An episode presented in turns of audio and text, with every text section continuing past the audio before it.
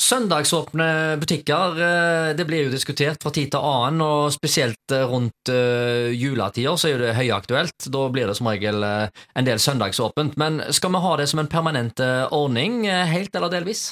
Nei, jeg syns ikke det. Og det som vel har fått opp debatt nå, det er jo dette med søndagsåpent bibliotek. Skal mm. Haugesund folkebibliotek bli søndagsåpent med betjening da?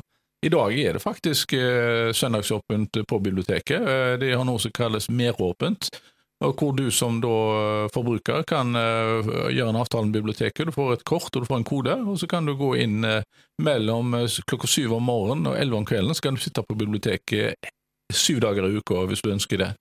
Men da på søndagene så er det ikke betjening der, da. og nå eh, ser jeg at eh, både biblioteksjefen og andre diskuterer at eh, bør en da ha et bibliotek som har da betjening òg på søndagen. Og jeg ser ikke det helt store behovet i det.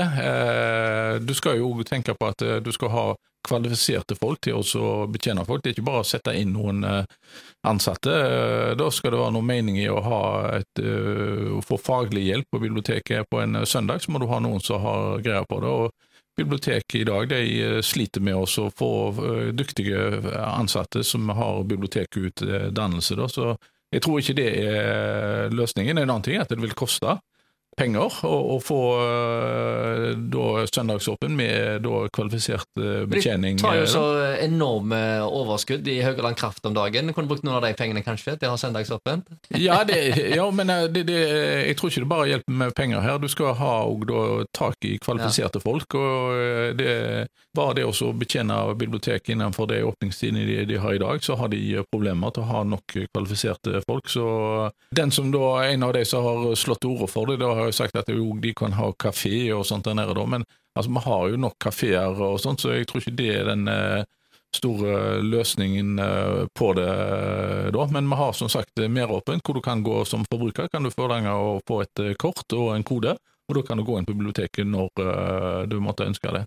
Skulle, altså, hvis biblioteket skulle få da, mer ressurser, så ville jeg sagt at de heller noe som jeg dypt savner på biblioteket, da, som eh, da ble dessverre tatt vekk etter det de åpna, det var jo eh, som, som etter de ble renovert, det at de tok vekk denne servicen med å ha mikrofilmapparater. Mm. Eh, I Haugesund der har vi jo hatt aviser siden slutten på 1880-tallet. Du har kunnet lest på mikrofilm da, hva som skjedde i, her i regionen da, gjennom at vi hadde ulike aviser. Nå har jo Nasjonalbiblioteket Nasjonalbiblioteket skanna inn mange aviser, men det er først fra ca. 1917-1918 og oppover eh, da, og det vil ta mange, mange år før eh, Nasjonalbiblioteket har skanna alle avisene. Vi hadde jo da I Haugesund hadde vi ja, vi hadde oppi tre aviser, eh, dagsaviser, mm. på en gang. Og i perioden fra ca. 1900 til 1917-18 så, så, finnes det ikke muligheter i dag til å kunne gå inn og, så, og, og se i de avisene som en gjorde da i uh, tidligere tider. Da. Og det Mikrofilmapparatet det har de gitt vekk, og denne kulturskatten som ligger i mikrofilmene, uh, den har de òg tatt og bare gitt vekk til et historielag på Karmøy forskere eh, da, som da skal, og folk som holder på med bokprosjekter eh, og sånt, og mm. da vil lese hvordan det så ut i eh, byen her tidligere. De har ikke den muligheten lenger. da. Og Haugesund folkebibliotek er et av de få bibliotekene i Norge som ikke lenger har den tjenesten der. da. Det koster relativt lite for de å kunne tilby den tjenesten der. og Alternativt så kunne de da tatt oss og i alle fall skanna de avisene som nå mangler jeg har vært i kontakt med Nasjonalbiblioteket, og de sier at det vil ta i fall kanskje opp i mellom fem og ti år før de er ferdig med skanningen av eh, aviser og sånt. Og Hvis det kommer folk som la oss si på eh, høyskolen, som ønsker oss å se på utenbys-aviser eller mm. fagtidsskrifter osv. om å lese det på mikrofilm. Tidligere så sendte jo Nasjonalbiblioteket mikrofilmruller over til biblioteket, så en kunne sitte her og, og, og lese dette. her. Blir i dag henvist til å reise til Oslo for å gjøre dette. her.